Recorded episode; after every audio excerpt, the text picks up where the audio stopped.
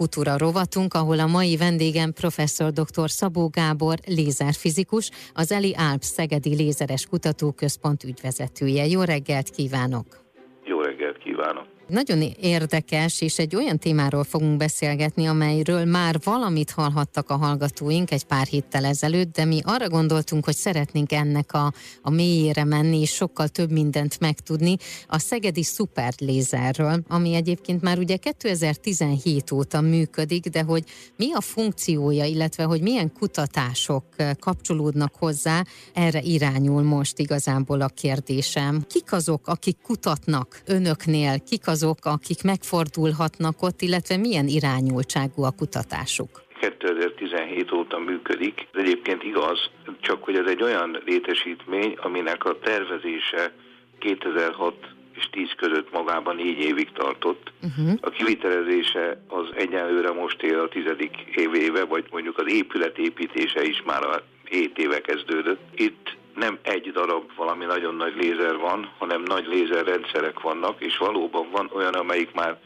17 óta működik, és van olyan, amit még most is most installálnak a szállítói. Ez azért fontos tisztázni, mert ez azt is jelenti, hogy ugyan folynak bizonyos kutatások már, hiszen a lézerek egy része az elérhető, de a központ teljes fegyverzetben majd másfél év múlva kell, hogy a kutatók rendelkezésére álljon. Ez azért fontos ezt megjegyezni, mert talán aláhúzza a vállalkozásnak a nagyságát. Ez a központ, ez egyébként a világon az egyetlen olyan nagy lézer rendszer, ami a kutatók rendelkezésére áll. Vannak hasonló, sőt bizonyos paramétereik tekintve nagyobb lézerek is a világon, ezek jellemzően azonban katonai célúak, ahova nem lehet csak úgy bemenni mhm. kísérletezni. Tehát ha azt nézzük, hogy valahol Németországban mondjuk egy kutatónak támad egy kitűnő ötlete, és ezt meg szeretné valósítani, de olyan lézer kell hozzá, ami a laboratóriumokban általában nem elérhető, na ők a mi jövőbeli kuncsafjaink. Nagyon egyszerű kérdés jutott eszembe, és tudom, hogy a válasz az viszont nem lesz ennyire egyszerű, és ez egy sokkal összetettebb, hogy mit lehet kutatni egy lézerrel. Inkább azt mondom, hogy nézzük meg azt, hogy egyáltalán a fényel mit lehet csinálni, hiszen a lézer az tulajdonképpen egy nagyon jól szabályozható fény. Belegondolunk, akkor voltak éppen nagyon kevés olyan természeti folyamat van, aminek nincs köze a fényhez, amit fényel nem lehet mondjuk beindítani, vagy éppen leállítani.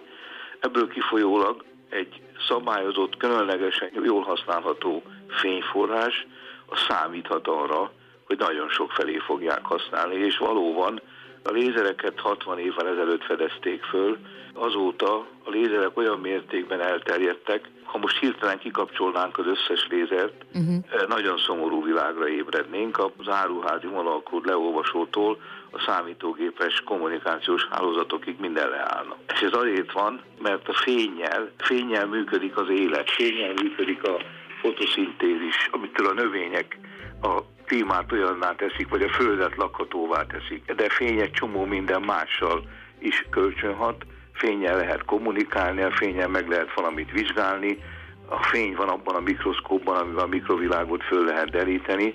Tehát a fény alapvető tulajdonságaiból származik az, hogy a lézereket mi mindenre lehet használni. Igazából itt biológiai, orvosi, fizikai, anyagtudomány terén mindenhol lehet használni a lézert, és használják is mondjuk az önök központjában? Pontosan így van. Azzal kapcsolatban, amikor meg szokták tőlem kérdezni, hogy szerintem hol várható áttörés, tudományos áttörés a jövőben, akkor azt szoktam mondani, hogy nem, erre nem tudok válaszolni azért, mert az igazán érdekes eredményeket nem a fizika területén várom. Uh-huh. Én pontosan arra számítok, hogy a biológia, anyagtudomány valami olyan területen lesz igazán komoly áttörés, amit én most még nem látok, mert nem közvetlenül az én szakmám. Uh-huh. Arról lehet beszélni, hogy éppen milyen kutatások zajlanak, zajlódtak már le, milyen oldalról, területről mennek önökhöz kutatók?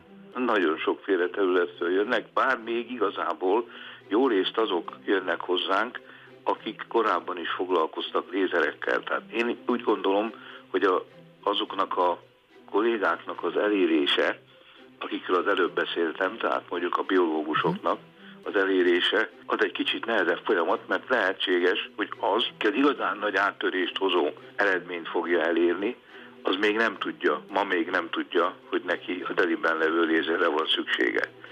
De azért, hogy ne térjek ki a válasz elől, elindultak kutatások most már az utóbbi két évben összesen több mint 25 kutatócsoport járt itt. Ez tehát azt jelenti, hogy olyan kollégák, akiknek volt egy kutatási ötletük, megjelentek itt és itt dolgoztak.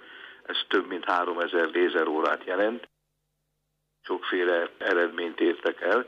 Talán ami a közvélemény érdeklődésére is számot tarthat, az egy éppen most folyó kutatás, amit ráadásul egy magyar kutatócsoport vezetésével működő nemzetközi konzorcium eh, végez.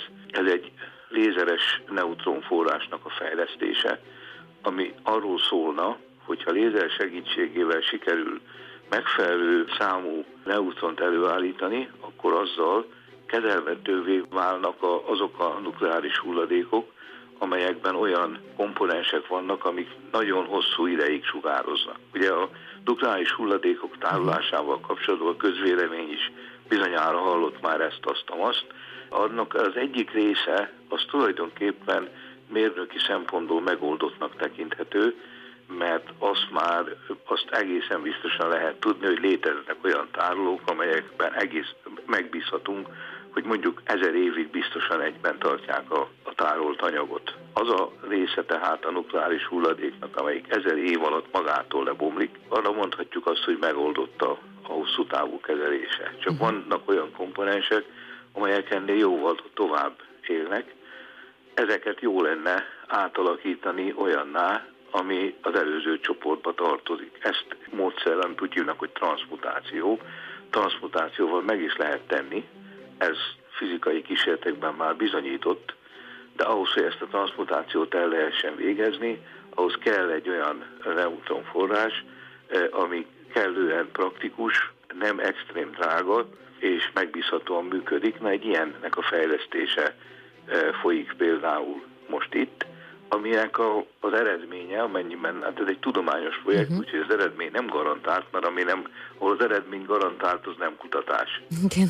Tehát elég optimisták vagyunk, hiszen már vannak mérési eredmények, amelyek ígéretesnek tűnnek. Ez egy olyan kutatás tehát, amelyik hozzájárulhat ahhoz, hogy egy nagyon fontos problémának a, a megoldását megkönnyítse, sőt, ha még egy lépéssel tovább gondolkozunk, akkor az is előfordulhat, hogy egy ilyen neutronforrás segítségével olyan új, teljesen újfajta erőművek, nukleáris erőművek hozhatók létre, amelyek a meglevő erőművek két alapvető problémáját lényegében teljes mértékben megoldják. Egyrészt kizárják a megszaladásos nukleáris baleseteket, illetve jóval kevesebb mondjuk ezerszer kevesebb rádióaktív hulladék keletkezik. Ezzel nagyjából két, két fő problémája a jelenlegi nukleáris technológiának egyben megoldható. Egyébként visszagondolva korábbi műsorra, amelyik a látogatóközpont megnyitásáról szólt, ott egyébként a Nobel-díjas vendégünk Gerard Muró többek közt arról beszélt, azt mondta, hogy a fiatalok számnak ő tudja ajánlani, hogy legyenek fizikusok, mert a fizikusok hozzájárulhatnak az emberiség gondjainak a megoldásához azzal, hogyha tiszta, széndiokszidmentes és lényegében korlátlan energiaforrást fejlesztenek. Tudom azt, hogy arra célzott, hogy ezt az újfajta atomerőművet, ezt hogyan lehetne lézeres neutronforrással megvalósítani. Igen, mert ahogy egyébként a hallgatóink is hallhatták, és ahogy ön is utalt rá, ugye az Eli Alps egyik fontos küldetése a tudomány népszerűsítése, illetve ugye a hazai mérnök természettudományos képzés támogatása. Erre utalt most itt. Hát az egész látogató központot ugye alapvetően azért fiataloknak hoztuk létre, nyilván mindenkit szívesen látunk. Pontosan erről beszéltünk mind a ketten a professzor a megnyitón, csak a professzor úr az még a nagyobb esetvonásokkal festette fel a jövőt, mert egyenesen azt mondta, hogy a fizikusok a jövőben hozzájárulhatnak a bolygó megmentéséhez. Legyen így. Én ezt kívánom is, hogy minél többen kutassanak önöknél, és minél nagyobb eredményeket érjenek el. Szépen, remélem, hogy így lesz. Nagyon szépen köszönöm én is. Az elmúlt percekben professzor dr. Szabó Gábort hallhatták, lézerfizikust, az Eli Alp Szegedi Lézeres Kutatóközpont ügyvezetőjét.